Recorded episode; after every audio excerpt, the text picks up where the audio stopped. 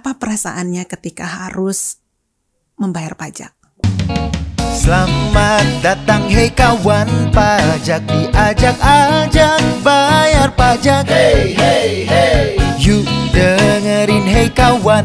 Pajak diajak-ajak bayar pajak. Hey hey hey. Mari kakak, lihat dia dulu kakak Sudah banyak berkembang isu pajak Kapan lagi bahas pajak bisa sambil ngakak Sambil ngerujak atau sambil gendong anak. Dengar dulu yuk, info gratis kok gak mau? Di follow dulu, gak ketinggalan melulu Ajak-ajak bayar pajak ini konsep baru. Simak dan hayati kelak negeri kita maju. Selamat datang hei kawan. Pajak diajak-ajak bayar pajak. Hey Ajak, bayar pajak. Yuk dengerin hei kawan pajak diajak-ajak bayar pajak Ajak, bayar pajak Semua orang punya caranya sendiri untuk mengekspresikan cinta Indonesia.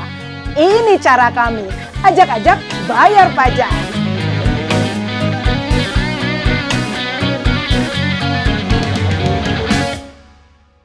Kawan pajak, apa kabar? Semoga semuanya sehat ya. Dan kali ini kami akan kembali hadir di Ajak-Ajak Bayar Pajak. Dan bintang tamu kita sangat spesial hari ini. Siapa lagi kalau bukan seorang desainer muda yang begitu cinta mengangkat budaya Nusantara dengan brand Ikat Indonesia by Didit Maulana. Terima kasih Kak udah mampir ke sini. Sangat luar biasa. Terima kasih ya mau berkenan hadir di podcast Ajak-Ajak Bayar Pajak. Nah, kita mau cerita nih di sini nih Mas Didit. Yang jelas kita melihat Mas Didit sangat luar biasa. Tapi nih, saya dengar Mas Didit ini tadinya seorang arsitek. Gimana sekarang bisa menjadi seorang desainer? Boleh cerita dengan kita? Nah, begini Kak Ani. Jadi zaman dulu sebenarnya kepengen banget jadi fashion designer. Hmm. Tapi dari kecil itu nggak pernah punya keberanian untuk masuk ke sekolah fashion gitu. Karena mungkin zaman aku itu belum apa ya istilahnya belum terlalu banyak kan sekolah modenya. Nah akhirnya pas abis lulus SMA aku berpikir aku tuh pengen ada seninya tapi ada hitung-hitungannya karena aku suka juga dengan matematika gitu ya. Akhirnya aku masuk ke arsitektur Hmm. karena menurutku ini setengahnya eh, seni dan setengahnya ada hitung-hitungan gitu.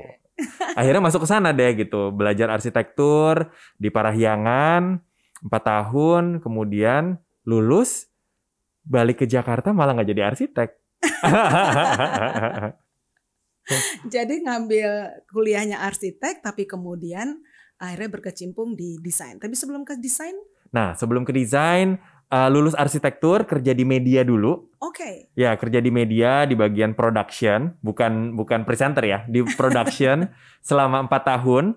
Kemudian abis itu eh, kerja di perusahaan retail nih, Oke. gitu. Jadi waktu itu udah mulai masuk retail fashion, tapi di bagian marketing and communication eh, department, Oke. gitu. Nah, dari dipercaya satu eh, brand sampai akhirnya dipercaya 15 sampai 20 brand internasional Wow. untuk pegang gitu. Luar biasa. Jadi mulai dari belajar arsitek, kemudian kerja di media, dan akhirnya mendirikan eh, IKAT. Betul, Ikat Indonesia. Indonesia. Jadi waktu itu didirikan 2011. Mudah-mudahan tahun ini eh, Ikat Indonesianya jadi 10 tahun nih, Kak. 10 tahun, sebuah perjalanan yang luar biasa. Tapi kenapa ngambilnya tenun? Nah, kenapa ngambil tenun? Ini juga satu hal yang sangat menarik karena tahun itu 2008-2009 Indonesia lagi heboh dengan Hmm, batik mau diakui oleh negara tetangga Oke. waktu itu. Nah, terus aku lihat waktu itu ya banyak sekali anak-anak muda yang marah-marah di sosial media, ini gimana, ini gimana gitu sampai aku berpikir bahwa kita itu kadang karena terlalu punya banyak, jadi kita cenderung untuk eh, mengabaikan, Iya. take it for granted. Take it for granted. Exactly. Nah, akhirnya aku waktu itu berpikir, wah nggak bisa nih, generasi muda Indonesia harus tahu negaranya itu punya budaya apa lagi. Oke. Jangan sampai nanti kita jadi anak-anak muda yang telat nih, gitu, Hmm. generasi yang telat gitu. Akhirnya aku lihat, oh oke, batik udah aman karena waktu itu sudah mendapatkan pengakuan ya dari Betul. internasional. Kemudian aku berpikir apa lagi ya? Oh iya, anak muda harus kenal tenun ikat gitu. Hmm. Jadi waktu itu 2009 2010 aku riset dulu nih, Kak. Hmm. Riset tenun ikat. Wah, kayaknya keren nih ya kalau dibikin ready to wear buat anak-anak muda gitu. Iya. ya udah jadi mulai dari situ akhirnya aku bikin sih label ikat Indonesia dan memang fokusnya di tenun ikat. Tenun ikat. Berarti seringnya eh, kontak langsung dengan para penenun di Indonesia dong. Betul. Ada kisah nggak sih gimana ketemu sama pengrajin-pengrajin tenun Indonesia? Wah, itu perjalanan proses yang tadinya untuk pekerjaan, Hmm. tapi akhirnya kita banyak sekali mendapatkan ilmu tentang kehidupan. Oh, Jadi waktu itu aku berjalan ke Sumba, ketemu mama-mama penenun di sana, kemudian ke Bali, ke Jawa, sampai waktu itu ke Maluku juga, ke Tanimbar gitu ya. Jadi aku berpikir bahwa awalnya waktu itu pengen mengenal mereka karena ingin eh, Bisnis. melakukan bisnis, Iya. hubungan bisnis. Tapi akhirnya kita menjadi saudara, oh. kita menjadi dekat sekali. Kayak kemarin ada beberapa bencana di beberapa daerah, Mm-mm. kemudian saling mengontak, saling Iya. bertanya kabar gitu dan memang akhirnya mungkin inilah yang memang menjadi purpose of my life Oke. yaitu eh, sharing nggak cuman sharing eh, secara bisnis tetapi juga sharing eh, hal-hal Human ya. ya lebih ke eh, humanisme Mm-mm. lebih ke bagaimana cara istilahnya apa ya kita mendapatkan banyak perspektif ya dari Iya. teman-teman perajin ini gitu Jadi awalnya melihat bahwa ini adalah kekayaan Indonesia, don't take it for granted. Kemudian mulai mendekatkan diri untuk business purpose dengan para pengrajin, tapi kemudian malah kena ke hati ya. Wah, Betul. sangat luar biasa Mas Didit. Nah, kalau seandainya pasar di Indonesia sendiri untuk tenun ikat ini gimana Mas? Nah, Indonesia ini juga termasuk satu pasar yang sangat menarik ya untuk Hmm. dieksplorasi Kak karena memang kita ini eh, sebenarnya adalah satu market yang gampang untuk diarahkan Oke. gitu. Jadi dengan influencer yang tepat, tren yang tepat, maka eh, akan menjadi satu cycle bisnis yang memang eh, trennya itu bisa kita atur gitu. Mm-mm. Nah, jadi memang bertahun-tahun dengan eh, ber- apa ya eh, memasyarakatkan tenun ikat, berteman dengan para influencer yang membantu untuk mengkomunikasikan ini, kemudian message-nya nyampe ke anak-anak muda. Oke. Sehingga anak-anak muda sekarang ah pengen pakai tenun ikat karena si A pakai, si B pakai gitu. Eh-eh. Jadi mereka pun juga sekarang sudah terbiasa dengan itu dan Mm-mm. sekarang juga banyak sekali brand-brand dan desainer-desainer muda yang eh, menggunakan tenun sebagai bahan dasarnya gitu dan Oke. menyenangkan melihatnya. Iya dan tentunya ini adalah harta ya. Ini adalah budaya warisan budaya Nusantara yang harus kita lestarikan Betul. gitu. Nah kalau aku lihat nih Mas Didit sebagai anak muda Indonesia gitu ya, melihat potensi Indonesia, kemudian mencoba untuk mengangkat. Jangan kalau kita nggak mau mengangkat Indonesia terus siapa gitu kan? Nah sekarang di masa pandemi ini nih Mas Didit, gimana kondisi bisnis?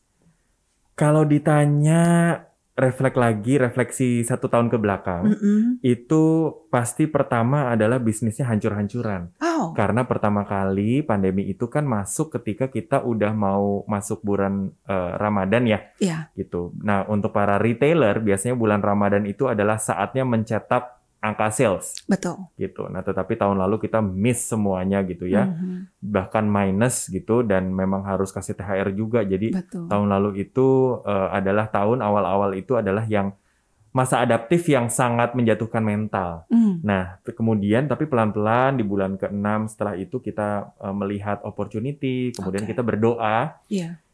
Tuhan eh, mungkin memang kalau memang ini harus terjadi, tolong eh, Tuhan kasih kita jalan untuk bisa lihat opportunity yang ada. Mudah-mudahan ini adalah jalan yang bisa membantu teman-teman para perajin Iya. agar mereka bisa terus eh, terus menenun gitu karena kita juga nggak tega setiap hari dikirimin apa eh, message gitu kak eh, tolong dong ini diambil kain saya kain ini dan segala macam cuman kalau kita tidak ada pasarnya kan susah juga Betul. jadi waktu itu aku berdoa bersama timku setiap hari kita mengadakan eh, apa namanya meeting virtual dan Mm-mm. aku masih ingat banget di setiap hari itu eh, masing-masing dari kita akan memimpin doa di akhir Oke. dan itu eh, sangat apa ya kita merasa di situ sangat dekat kita menjadi Hmm. satu bagian dan memang kita memiliki eh, misi yang yaitu adalah ingin membantu teman-teman perajin. Iya. Nah kemudian abis itu ada satu ide untuk membuat beberapa merchandise dan merchandise itulah akhirnya yang bisa menyelamatkan si brand Ikat Indonesia dan juga mengajak teman-teman perajin kita agar aktif berproduksi gitu. Wow, Sampai luar sekarang biasa. happy banget. Oh, saya dengernya aja happy banget.